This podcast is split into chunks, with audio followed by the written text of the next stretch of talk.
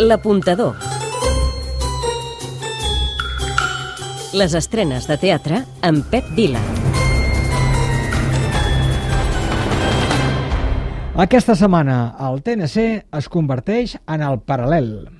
Però aquesta nit aquí estem de dol, també, com a la resta del paral·lel, per la mort de la Palmira Picard. He d'escriure l'epitafi per la tomba de la Palmira Estrena Picard. majúscula a la Sala Gran del Nacional i última obra que dirigeix Xavier Albertí com a responsable del TNC abans de passar-li el relleu a la seva successora Carme Portacelli, l'obra L'emperadriu del paral·lel. L'aposta de l'apuntador. Tres motius per veure-la.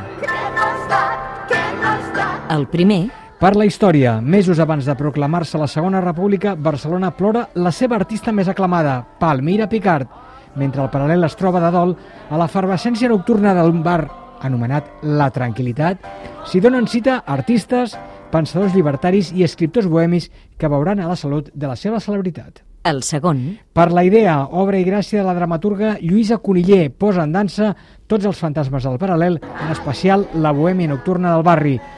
I és que hauríem de recordar els temps, eh? Ai, quins temps aquells.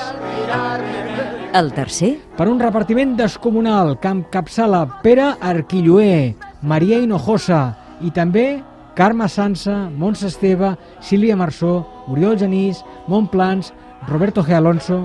Segur, segur que aquesta obra serà una autèntica festa. Hola, sóc en Pau Miró, però... Ep, és l'apuntador qui parla.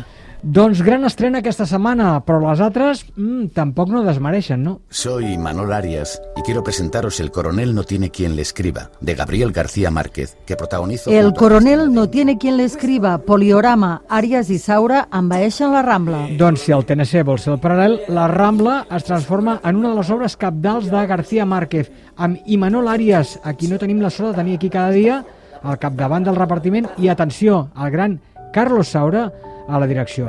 La història, ja la sabeu, l'espera del coronel i la seva dona, tot vivint en la misèria, que el govern li comuniqui la concessió de la pensió promesa pels seus serveis a la guerra. Però decididament aquesta carta no arriba. Una pregunta, senyor Espea, si encara li queda una mica de paciència amb mi. El terreny on vostè volia construir la seva capital del món. Spear, la gleba, una reflexió sobre el poder i la barbària. Albert Speer era el ministre destinat a succeir el Führer al capdavant del Tercer Reich i havia desenvolupat el projecte de remodelació de Berlín, rebatejada Germània com a capital del Reich, però des del despatx on tot ho havia programat, Speer conversa amb el seu interlocutor després de sortir de la presó. És una de les estrenes destacades també de la setmana, amb Ramon Simó a la direcció i interpretació de Pep Moner i de Xavier Ripoll.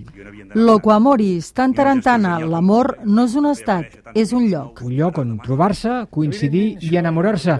I potser sona abstracte, però és un lloc concret que no habites tu, sinó que t'habita, que s'obre dins teu. Per això ens sentim tan grans quan ens enamorem i a la vegada tan petits. És un espectacle dirigit per Pau Roca, interpretat per Imma Arquilloé i Pablo Macho.